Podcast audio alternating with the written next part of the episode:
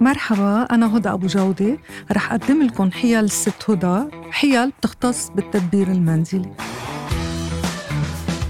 كيف بدنا نتخلص من بقع الزيت عن جميع أنواع الأقمشة وحتى عن المفروشات أو إذا بقع زيت على السجادة. نفرك البقعة بسائل للجلي بدون مي. ومنتركها منقوعة كل الليل.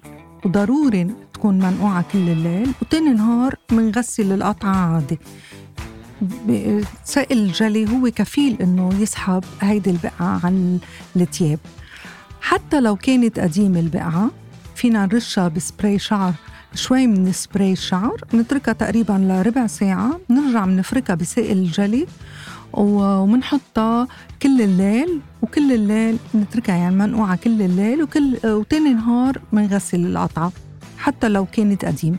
هلا بالنسبة للسجادة مرات كتير بيجيني أسئلة إنه وقع الزيت على السجادة آه كان كمية زيت كتير كبيرة.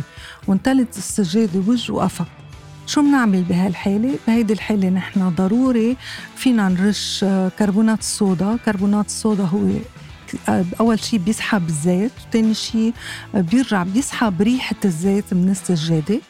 ومنتركها منعبيها بكربونات الصودا ومنتركها شي أربع خمس ساعات وفينا نتركها كل الليل.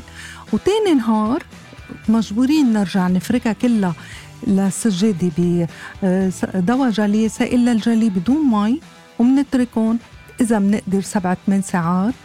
وبعدين بنرجع بنغسل السجادة بيختفي كل الزيت عنا. وفينا نكرر الطريقة في حال كانت كمية الزيت كتير كبيرة. شكرا لاستماعكم لحلقات حيل الست هدى